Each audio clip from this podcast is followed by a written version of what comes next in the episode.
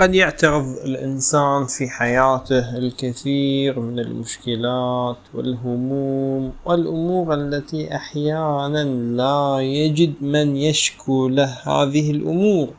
وكثرة تراكم هذه الهموم وهذه المشاعر المختلطة في النفس ستؤدي للإنسان إلى الهم والغم وربما إيقاعه في الكثير من الأمراض المزمنة. فإن لم تجد لك من تشكو له همك فاشكو إلى الله وصلي لله وادعو واشكو إلى الله حاجتك وفاقتك يشرح صدرك ويفرج همك وغمك وتجد الخير بإذن الله